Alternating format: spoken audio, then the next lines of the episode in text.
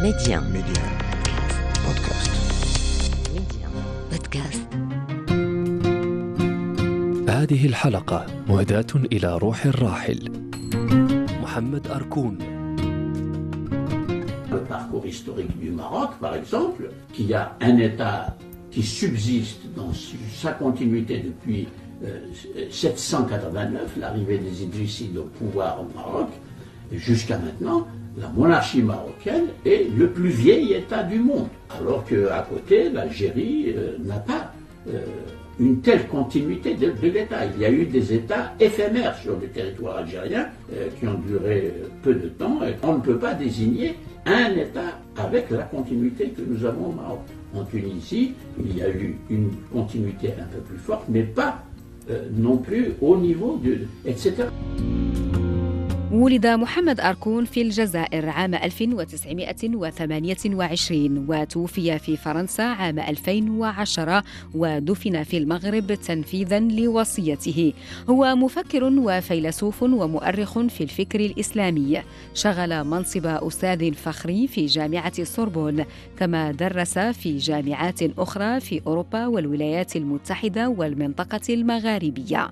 عرف محمد أركون بغزارة إبداعه الأدبي وحبه الكبير للمغرب. وقد تم مؤخرا منح خزانته التي تتضمن أكثر من خمسة آلاف مؤلف وسبعة آلاف مجلة في مختلف الحقول الأدبية والعلمية لفائدة المكتبة الوطنية للمملكة المغربية حتى يظل أرشيفه الأدبي خالدا تتوارثه الأجيال. في القلب اعتماد سلام.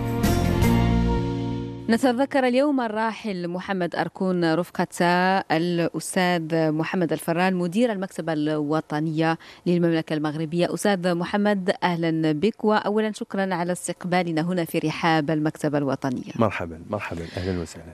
محمد أركون طبعا غني عن التعريف وأنت في الندوة التي كانت قبل أيام قلت إن مساره كان حافل. لا بأس أن نذكر فإن الذكرى تنفع بهذا المسار الحافل والغني للمؤرخ والمفكر والفيلسوف محمد أركون.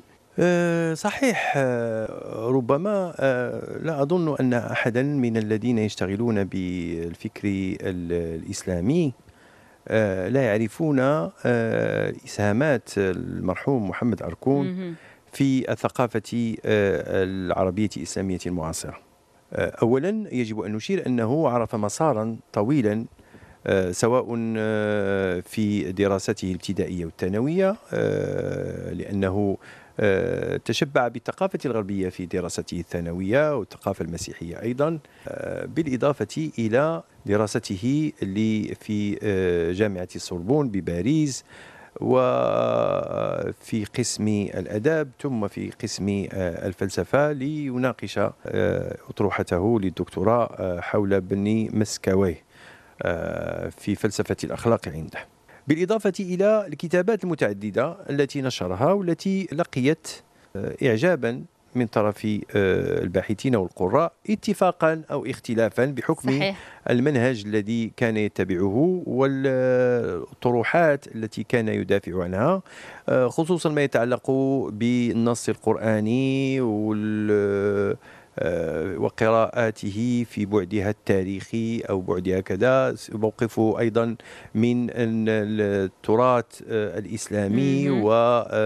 ونظرته للفقهاء آه، كتابات الفقهاء لكل ما هو آه، أو لكل ما يمثل مكونات الثقافة الإسلامية وما إلى ذلك اعتماده على بعض المناهج الحديثة التي دارت في ذلك الوقت والمعارك التي آه، كان آه، آه، آه، يشارك فيها سواء آه، داخل آه، فرنسا. في النقاش العمومي أو خارج فرنسا من خلال الطروحات التي كانت كما قلت آه، تتشارك أو تختلف مع آه، آه، آخرين في هذا آه، المجال. لذلك آه، محمد أركون استطاع أن آه، يخلق لنفسه مكانة علمية أكاديمية آه، جعلته يشكل آه، شكلا أو جزءا من هذا ال- ال- المشهد. آه، الأكاديمي فيما يتعلق بالدراسات الإسلامية أو الإسلامولوجي على وجه التحديد. نعم كما قلت في العالم الإسلامي بشكل خاص ولكن كان أيضا اسما لافتا على المستوى المغاربي. آه، محمد أركون هو جزائري عاش في فرنسا أوصى بدفنه آه، في المغرب. الرجل كان جزائريا لكنه كان مغربيا مغاربيا أستاذ محمد الفران. تلك المحبة التي ميزته للمغرب. أعتقد بأنها كانت عنوانا كبيرا لمحمد أركون. هو هو في الواقع أولا وقبل كل شيء يجب أن نسجل أن محمد أركون كان لا يمكن أن نربطه بمكان معين لأنه كان يعتبر نفسه آه، آه، إنسانا آه، ينتمي إلى إلى العالم إلى الإنسانية بصفة عامة ومساره يدل على ذلك. يعني لم يثبت عنه يوما أنه نسب نفسه إلى مكان معين أو إلى إلى دولة معينة ولكن ثابت والمؤكد أنه كان يعشق المغرب وكان يحب المغرب وكان يقضي أوقات كبيرة من المغرب وكانت تربطه مع آه، باحثين مغاربة سواء كانوا يختلفون معه في في في صحيح. في في في, في فكره أو يتفقون معه كانت تربطه معهم ارتباطات وثيقة خصوصا بعد زواجه من آه، السيدة آه، تورية اليعقوبي تزوج من المغرب أيضا. نعم من نعم. المغرب زوجته وكان كان كان له منزل معها في الدار البيضاء وأوصى بأن يدفن جثمانه الثرى في الرباط وفي الدار البيضاء. كما أعطى مكتبته ومنحها آه، لزوجته على أساس أن آه، أن توضعها في في في في, في المغرب. فهذه آه، أركون هو أحب المغرب عشق المغرب وأكثر من ذلك احترم المغرب. لأنه كان دائما عندما يتحدث عن المغرب باعتباره دولة عريقة لها آه، آه، تاريخ عميق جدا ممتد في القرون.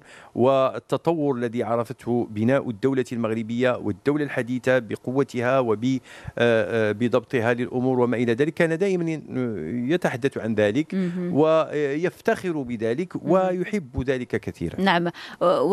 بل كان أيضا يسعى إلى تجاوز العراقيل بين المغرب وبين الجزائر. وهذه نقطة أشار إليها السيد أحمد التوفيق وزير الأوقاف والشؤون الإسلامية خلال حفل التوقيع.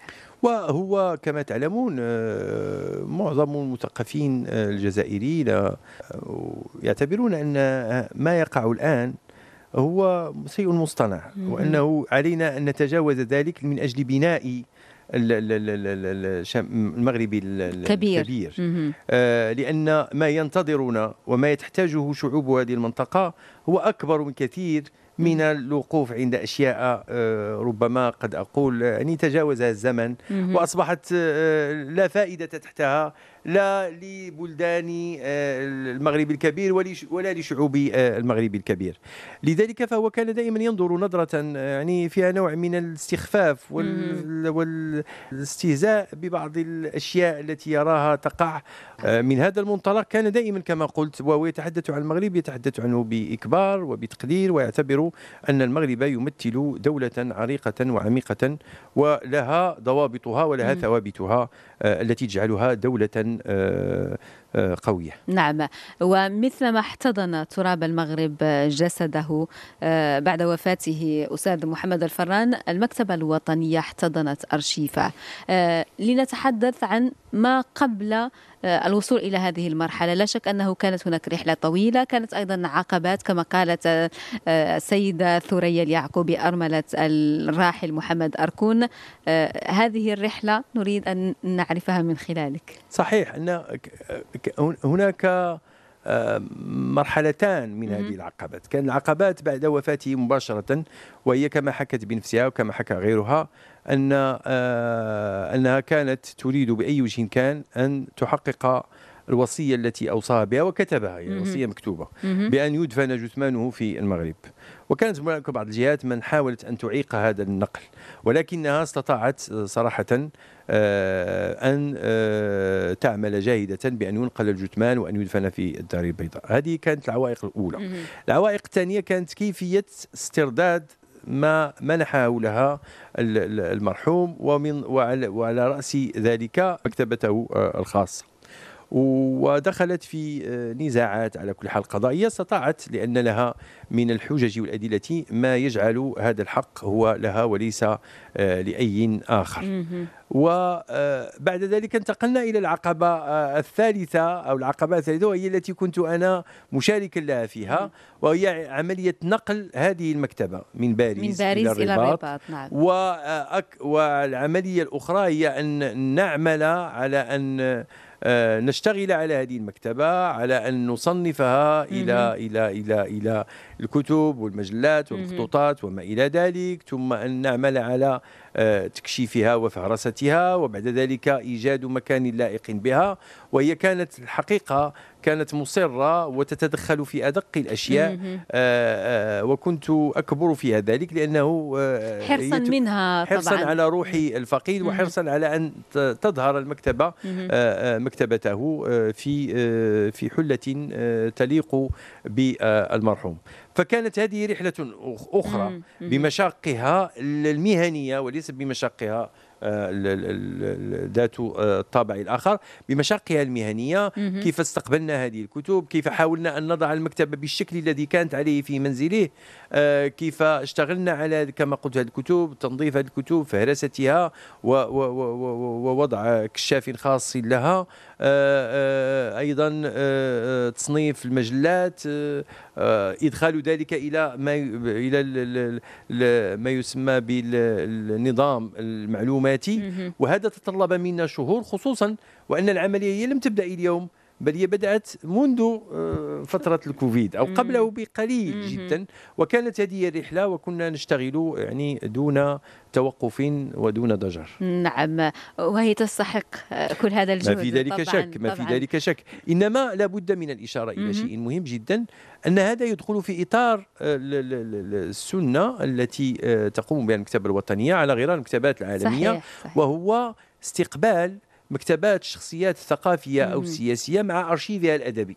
لأنه حتى في آه، مكتبة محمد أركون فنحن لم نتوصل فقط بالكتب وبمجلات وما إلى أيضا توصلنا أيضا بالأرشيف الأدبي الذي هو عبارة عن مراسلاته عن مخطوطاته عن آه، بعض الأشياء التي كان التي كانت معه وهذه مهمة جدا بالنسبة للدارسين لأن آه، آه، الذين ربما سيعيدون النظر أو يريدون دراسة هذه الشخصية لابد وأن تفيدهم هذه المراسلات التي كانت له مع مثقفين آخرين نعم. مع أساتذة آخرين رسائل كانت له مثلا في قضايا معينة وما إلى ذلك أيضا رسائله الخاصة التي لم تصبح الآن خاصة أصبحت عامة صحيح. الكل يمكن أن يطلع بها. فهذه هي هذه كلها أمور آه، مهمة بالنسبة آه، للباحثين ومهمة أيضا بالنسبة للدور الذي يجب أن تقوم به المكتبة الوطنية. فنحن كما تعلمون آه، يعني عندنا مجموعة من المكتبات الخاصة التي استقبلناها في السنوات الأخيرة لشخصية مرموقة في المغرب. لها مكانتها ولها وضعها لاعتباري على المستوى التاريخي الراهن. ونحن نعلن عنها آه، كلما انتهينا من من من آه، فهرستها ومن تكشيفها أعلنا فيما سبق عن مكتبات لشخصيات مهمة وسنعلن إن شاء الله بعد محمد أركون على مكتبات أخرى توصلنا بها. نعم. طيب بالحديث دائما عن مكتبة محمد أركون قلنا إنها تتكون من مجموعة من الوثائق وأيضا المؤلفات وكذلك المجلات ولكن هناك أيضا مكتبه أعتقد بعض الأدوات التي كان يستعملها في فيما يشبه متحف رمزي. يمكن أن تشرح لنا أكثر. العادة آه، في المكتبات العالمية عندما يستقبل أو تستقبل آه، خزانة كتب شخصية معينة توضع بالشكل الذي كانت عليه في منزله كما قلت. هناك الكتب مجلات كذا وأيضا بعض الأشياء أحيانا نضع أيضا كمتحف للباسه للأوسمة التي أحرز عليها لشهاداته وأيضا بالاضافه إلى مكتبه وال وال والأرائك التي كان يتكئ عليها بين الفينة والأخرى. فنحن حاولنا أن نقوم بنفس العمل الذي هو عليه في المكتبات الدولية آه، وأن نخصص مكانا يجمع كل هذه الأشياء سواء تعلق الأمر بالكتب والأرشيف أو تعلق الأمر ببعض آه، آه، الأمتعة التي كان آه، يستعملها في مكتبه الخاص. نعم. آه، الآن يمكن للجميع الاطلاع نعم. على هذه المكتبة وطبعا تمت رقمنتها توجد الكتب وإلا فإن هناك آه، حقوق لدور النشر. ولهذا هذه لا يمكن ان, أن, أن, أن نتطاول عليها. لكن يمكن الاطلاع عليها بالحضور طبعا للمكتبة بالحضور ال- إلى مهم. المكتبه الوطنية مهم. وبال... وأيضا الكتب لأنه أكيد هناك آه، في فيها كتب آه، هي مرقمنة لأنها دخلت فيما يسمى بالحق العام. يمكن لل- للجميع يمكنها أن ترقمن ويمكنها أن يعاد آه، استعمالها. نعم. ولكن الكتب التي ما زالت لم تدخل ال- إلى الحق العام فهي ما زالت لا يمكن رقمنتها إلا بإذن أصحابها مهم. وبعد آه، أن يسمحوا آه، بذلك من الناحية آه، القانونية. نعم. استعملت تعبيرا في وصف هذه الخزانة خلال يوم التقديم أو التوقيع. قلت إنها منارة علمية في حد ذاتها. بالطبع هي منارة علمية أو كما قال الأستاذ أحمد توفيق وزير الأوقاف والشؤون الإسلامية إنها غنيمة كبيرة جدا. مهم. منارة علمية اولا لأن صاحبها هو منارة فكرية وعلمية في المغرب. وهي أيضا تعكس. من خلال تنوع العناوين آه، وتنوع الموضوعات التي آه، آه، ترتبط بها ومجالات علم الاجتماع علم النفس الإسلاميات الأدب. التاريخ وما إلى ذلك بلغات متعددة العربية الفرنسية الإنجليزية وما إلى ذلك هي أيضا تعكس مكانة صاحبها لذلك صحيح. نعتبرها منارة مثل مثل ما هو يمثل منارة من أو إن صح التعبير ركنا من أركان الثقافة مهم. آه، الإسلامية المعاصرة فلا شك أن مكتبته بهذا. التنوع ستشكل. منارة للباحثين والدارسين بدون شك طيب أستاذ محمد الفران قبل قليل قلت إن أرملة الراحل محمد أركون كانت حريصة ودقيقة خلال متابعتها لهذه العملية برمتها هل كانت لديها آه، توصيات آه، ربما لاحقة في آه، طريقة عرض هذه المكتبة في لا هو أو هو غير ذلك هو, هو العرض هي, هي نعم كانت كان لها رأي في الطريقة التي. آه، آه، وضعت بها المكتبة وفي ترتيب الكتب في الرفوف وما إلى ذلك. وحاولنا أن نحترم هذا ال ال هذا ال هذه الرغبة. ولكن هناك ضوابط علمية هي التي تجعلنا نرتب الكتب مم. بشكل معين ونضعها بشكل معين ونحافظ عليها ونحفظها بشكل معين. هذه هذه مسألة آه، لا مجال فيها لتدخل آه، الأشخاص بحكم أن هناك قواعد آه، طبعا. مكتبية معروفة. وعلمية أيضا. نعم. ولكن ولكن هي السيدة آه، اليعقوبي كانت حريصة على أن آه، أن تكون اولا أن يكون الموقع قريب من من الباحثين.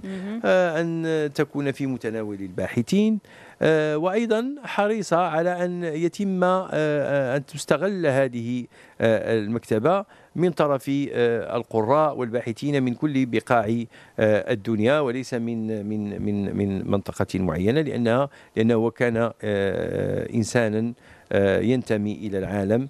ويجب أن يبقى هكذا آه، آه، الأساس آه، عنده هو العلم والمعرفة صحيح. والبحث آه، عن ال- ال- ال- الفكر أينما كان.